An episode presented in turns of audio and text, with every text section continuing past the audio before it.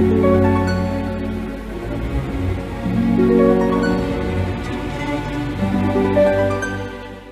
Capricorn, saya dengan Madam Aza. Kita bacakan sekarang kartu tarotnya. Yang pertama adalah karir, bisnis, dan juga peruntungan untuk Capricorn ya.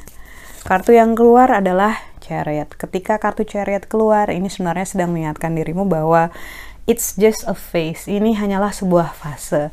Kalau kerasa lebih berat, kalau kerasa lebih sulit, kalau kayak lagi ngelawan arus, ya memang lagi fasenya seperti ini. Tapi pada saatnya itu akan berlalu. Nah sekarang nggak cuman kerja keras, kita juga diminta untuk kerja cerdas gitu ya. Hal-hal yang bisa kita fokuskan saat ini yang paling penting dulu susun prioritas dulu supaya nggak overwhelmed gitu ya.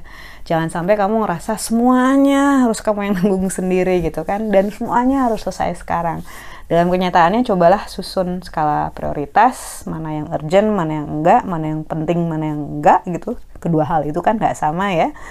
Dan kamu fokusin dulu mana yang bisa kamu kerjain mana yang bisa kamu tunggu aja dulu dengan skala skala prioritas rendah gitu.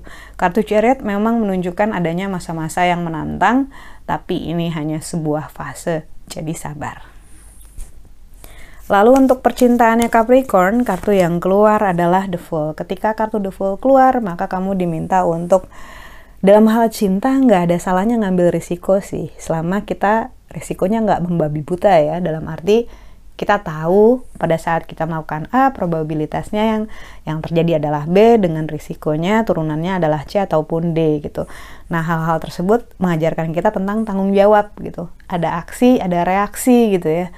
Jangan jangan berharap bahwa kita cuma dapat semua yang bagus-bagusnya aja.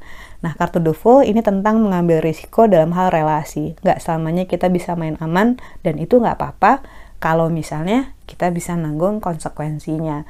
Intinya lakukan hal-hal yang bagus buat dirimu. Fokusnya ke dirimu dulu gitu. Hal-hal yang bagus buat dirimu, hal-hal yang jujur buat dirimu dan kamu bisa terima jangka panjang konsekuensinya. Lalu kartu nasihat yang diberikan untuk Capricorn, kartu yang keluar adalah The Star.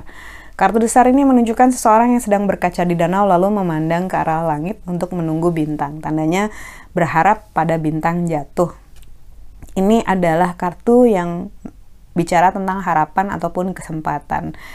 Jadi kalau kamu lagi nunggu sesuatu, seseorang, kejadian, uh, satu hal yang bagus gitu ya, maka insya Allah hal-hal tersebut akan datang padamu, akan sampai ke pangkuanmu, pangkuanmu sama seperti bintang jatuh ini gitu ya.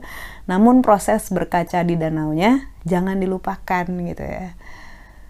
Uh, Tuhan saya pengen ABCD tapi kita lupa ngaca di danau kita lupa bilang saya udah pantas belum dapat ABCD gitu ya. Kalau saya pengen dapat ABCD saya harus ngapain nih biar saya pantas dapat ABCD nah berkaca di danau adalah proses memantaskan diri untuk segala hal yang baik segala hal yang kita doakan tersebut Sekian bacaannya, semoga bermanfaat. Kita doakan yang terbaik saja untukmu. Semoga sehat selalu, panjang umur, kaya raya, bahagia, berkelimpahan segala hal yang baik dari Tuhan Yang Maha Esa. Terima kasih bantu saya dengan cara di klik like-nya, subscribe, share, dan juga komen.